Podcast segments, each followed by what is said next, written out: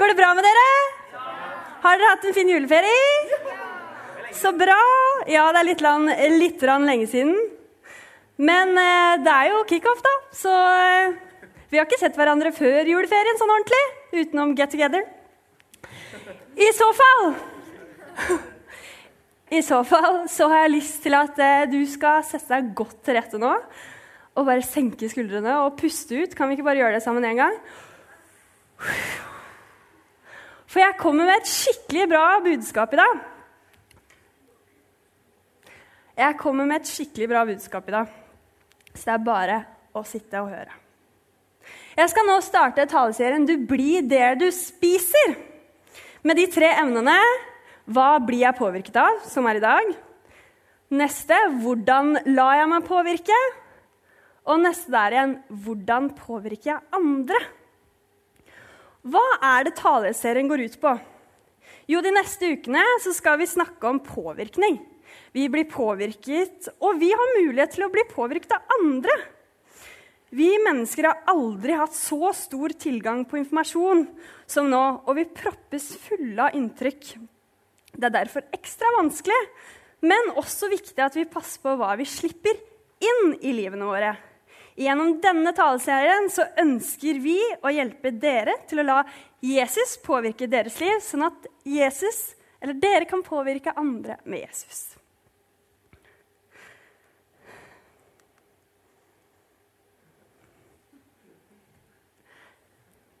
Hva blir vi påvirket av? Jo, vi blir påvirket av de rundt oss. De vi bruker tiden sammen med. De vi ser opp til. De vi opplever nedturer og oppturer sammen med i livet. Og så videre. Vi kan bli påvirket av alt og ingenting av det som er rundt oss.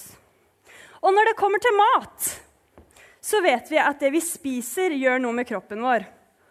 Akkurat som det her ja, kan ikke akkurat si at hvis vi spiser honning, så blir vi en bie. Eller at vi blir et jordbær hvis vi spiser et jordbær. Eller en pære hvis vi blir en pære. Men det er fortsatt noe med det som kommer inn, som påvirker oss. Mange ungdommer er bevisste over hva de spiser, men tenker vi over hva vi fyller oss med gjennom øyne, øre og nese, ikke bare munnen? Eller hva vi fyller oss med åndelig?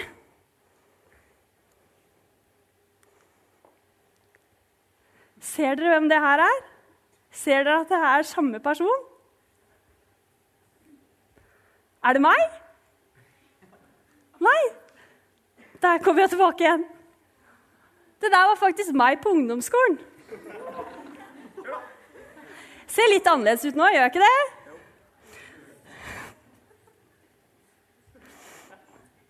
Jeg har forandra meg masse. Og i tiden på ungdomsskolen så ble jeg så påvirket av alt og alle de rundt meg til å være den jeg var. Jeg sier ikke noe negativt ved det å være blondine. Altså. Det er jo kjempefint å være blondine. Men det handla om det som lå bak inni der i meg. Alt handla om å passe inn, få aksept, bli godtatt, vise at jeg var bra nok. Den jeg var, den var ikke bra nok for meg. Jeg hadde det jo egentlig veldig bra, men jeg var svært usikker og lot meg påvirke av det rundt meg. Det var som at jeg sto på et hav. Jeg sto ikke jordnært. Jeg var avhengig av det rundt meg til å være Jeg var avhengig av det rundt meg til å være den jeg var. Etter hvert så skjønte jeg mer og mer at det, den jeg prøvde å være, var ikke den Gud hadde skapt meg til å være. Jeg ble mer trygg på meg selv. Når jeg da var bevisst, hvem, bevisst, på hvem jeg var, og hvem jeg var i Gud, så ble ting mye lettere. Hvorfor gjøre livet så mye vanskeligere og komplisert enn det det er?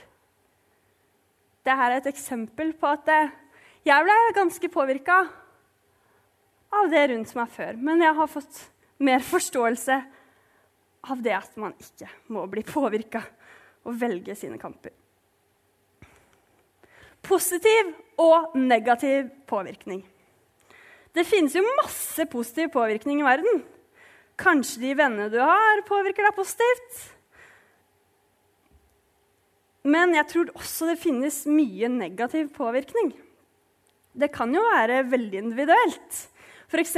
kan en film være god påvirkning på deg, mens samme filmen kan være ikke en så god påvirkning på en annen. Det handler jo veldig mye om å bevisstgjøre seg på hva som påvirker deg på en positiv måte, og hva som påvirker deg på en negativ måte.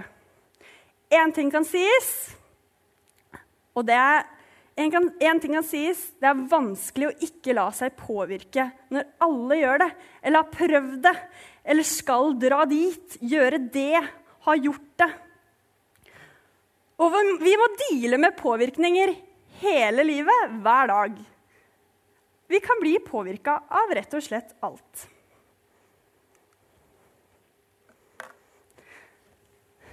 Dette er en sprayflaske. Vi kan bruke det eksempelet her på hva vi fyller oss med. Det vi fyller oss med, det kommer også ut. På et vis. Hvis du, fyller, hvis du fyller den her med cola, så kommer det cola ut. Hvis du fyller den med vann, så kommer det vann ut. ikke sant? Uten at vi helt er klar over det. At det vi får inn i oss, det kommer også ut på et vis.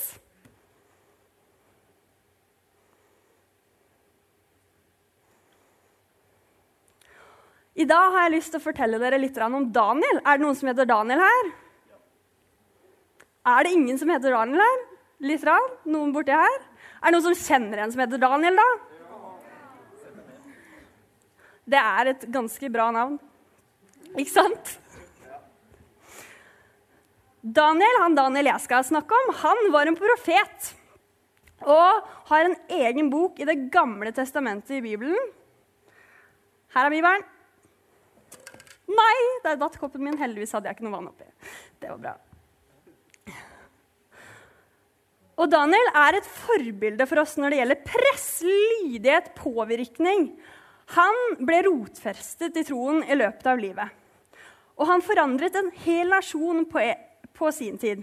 Faktisk dagens Irak. Det var der han holdt, på, holdt til på sin tid. De to mest kjente historiene fra Daniels bok er Daniels venner i ildhovnen, som vi ser her, og Daniel i løvehulen. Og Det er Daniel i løvehulen som jeg skal dele med dere nå. Og Du finner den historien i Daniel kapittel 6. Daniel var en veldig vis mann og var 62 år i denne historien. Han jobbet som en av de tre ministerne på Slottet. Var, han var tjener, bare litt bedre tjener, og hadde ansvar for andre tjenere. Den nye kongen, kong Darius, likte ham godt og hadde tenkt å sette ham over hele riket. Altså et opprykk i jobben sin. Og noen av de andre mennene som jobbet på Slottet, ble misunnelige på ham. Så de prøvde å finne noe å anklage Daniel for. Men det var vanskelig. De fant ikke noe å anklage ham for eller noe galt å si om, om, om han. Mennene sa vi finner ikke noe å anklage Daniel for hvis vi ikke finner noe hos ham som angår hans religion. Ja, for, for mennene visste at Daniel ba til Gud. Da stormet mennene inn til kongen med en idé. De spurte han om det var mulig å lage en ny lov. Og loven var den som ber til en annen gud enn kong Darius i de neste 30 dagene, skal bli kastet i en løvehule. Kongen likte denne loven og satt opp dette budet. Men Daniel sluttet ikke å be til Gud. Hele tre ganger om dagen bøyde han sine knær, ba og takket Gud. Det hadde han jo alltid gjort. En dag så stormet mennene inn og fant Daniel mens han ba og påkalte Gud. De dro derfor til kongen og sladret om at Daniel hadde brutt loven. Mennene sa, 'Daniel, en av de bortførte fra Judea, retter seg verken etter deg eller etter påbudet du har utstedt. Tre ganger om dagen mer enn til sin Gud. Nei, ber han sin bønn. Kongen ble svært lei seg, for han likte jo Daniel så godt. og kongen bestemte seg for å prøve å berge Daniel. Dagen etter kom, da, kom de sjalu mennene inn til kongen og minnet på at det ikke var lov å endre loven som ble satt. Da befalte kongen mennene om å hente Daniel og hive han i løvehulen. Kongen sa da til Daniel.: Måtte din Gud, som du fortsatt dyrker, berge deg. Mennene var glad for at de endelig ble kvitt ham. De tok en stor stein over løvehulen for å sikre seg om at Daniel ikke kom seg ut. Den natten fikk ikke kongen sove. Han satt våken og tenkte på sin aller beste tjener. Tidlig neste morgen løp kongen bort til løvehulen, og kongen ropte med angst i stemmen etter Daniel. Og Daniel svarte, 'Lenge leve kongen!' Men Gud sendte, min Gud sendte sin engel og lukket løvens gap, så de ikke, ska, de ikke skadet meg. For jeg er funnet uskyldig for ham, og heller ikke mot deg, konge. Har jeg gjort noe galt? Da ble kongen jublende glad og befalte at de skulle dra Daniel opp fra hulen. Det fantes ingen skade på ham, for Daniel stolte på Gud. Etter dette ble mennene som hadde anklaget Daniel med familien, hivd i løvehulen. Skikkelig forferdelig. Kongen Darius sendte ut en beskjed til hele kongeriket om, med et bu, påbud at folk skulle frykte og skjelve for Daniels gud. Kongen selv ble troende når han så at Daniel fortsatt var i live. Hang dere med? Lite grann. Det var litt langtekkelig. Men for en syk historie!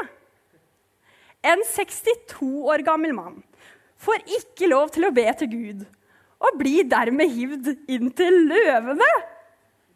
Det er jo litt sånn ubegripelig. Hvordan er det mulig? Alt kunne jo forutsi at han hadde blitt spist opp. Det, det, er jo vanskelig å si, men han var trofast med Gud. Og han var en Jesu etterfølger. Ikke Jesu etterfølger, men Guds etterfølger, for Jesus var ikke født ennå i Gamle testamentet. Sant? Hva kan Hva kan vi lære? Vi kan følge Gud selv om verden sier noe annet. F.eks. når klassekameratene dine ikke tror på Gud.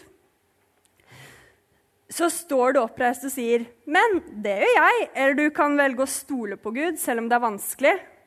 Eller oppleves, eller oppleves vrient. Vi kan velge å la Gud påvirke livene våre ved å be om at han skal gjøre det. Be om at han skal hjelpe oss, osv.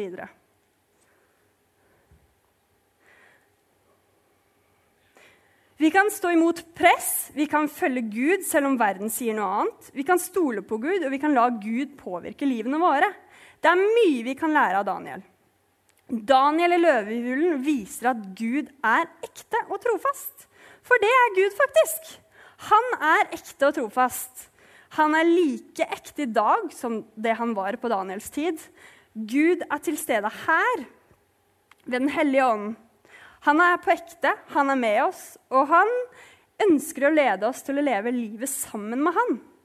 Det betyr ikke at vi ikke vil møte vanskeligheter, men det betyr at han er med oss, og at han er nær, selv om ting er vanskelig. Hva om Daniel hadde fulgt loven som gikk imot det guden han trodde på? Den guden han trodde på? Da ville ikke kongen blitt troende, og heller ikke kongen sendt ut beskjeden til kongeriket. Hmm. Daniel sto på sitt, for han visste at hans gud var den levende gud. En annen ting vi kan lære av Daniel, er at han brukte masse tid med Gud. Bruker du mye tid med Gud, kommer også mye Gud, ut av deg. F.eks. gjennom bønn, ved å lese Bibelen, koble seg på YouVersion, følge en plan, være med i smågrupper og komme på Connect. Det kan være eksempler der du bruker tid med Gud, kommer nærmere Han og blir bedre kjent med Han. Daniel ble satt under press slik vi kan kjenne på press i dag. Det ville, det ville gitt ham minst motstand å bøye seg for kongens bud og tilbe ham. Men Daniel sto imot. Han lot seg ikke påvirke av kongens bud, men søkte Gud og lot han påvirke ham i stedet. Det er så lett å kjenne på press, men som Daniel sto imot press, kan vi også stå imot press i hverdagen. Daniel lot seg påvirke av Gud, ikke av kongens bud. Han ble påvirket av Gud, ikke av kongens bud.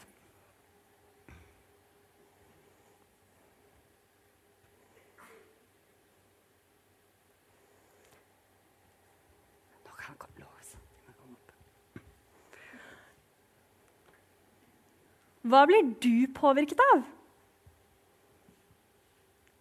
Vi kan velge å la oss påvirke av Gud like mye som det som er rundt oss i verden. Å være bevisst på hva som slippes inn. Akkurat du som meg i ungdomsårene. Jeg lot meg selv bli kastet rundt. Til slutt hadde jeg ikke tak på hvem jeg var egentlig. Bevisstgjør deg selv på å bli påvirket av det som bygger deg stødig. Bruk tid på det som gjør deg noe, gir deg noe. Eksempler på det kan være å koble deg på bibelleseplanen, som vi følger på Connect via Uversion, og lese litt hver dag. Vi starter med det i morgen, så det er bare å henge seg på. Bli med i en smågruppe. Og møt opp på samlingene. Og komme på Connect regelmessig. Gud påvirker deg til det gode.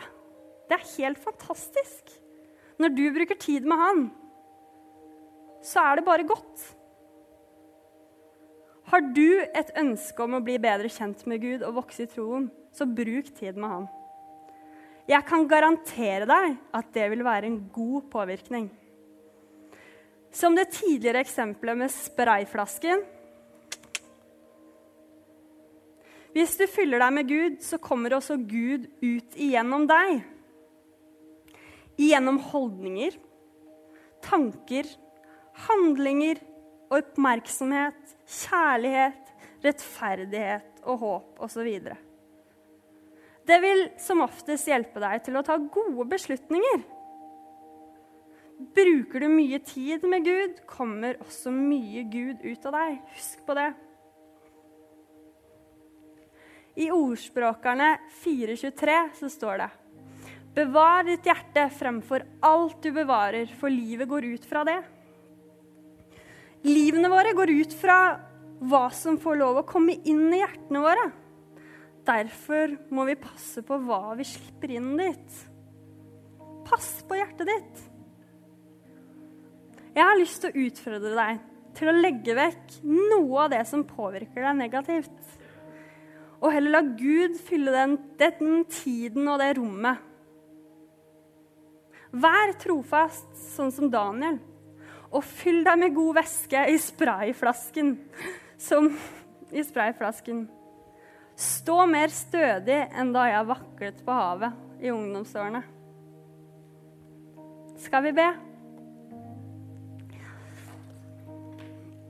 Kjære, gode far.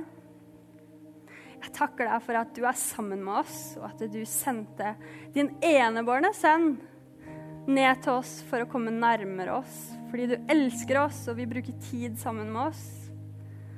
Så jeg ber deg for dette året, denne kvelden, alle de som er her. Velsign dem dypt. La oss få en skikkelig bra kveld med maten og praten. Og la oss virkelig kjenne på det at eh, du kan gi oss god påvirkning, og at du er god. I Jesu navn. Amen.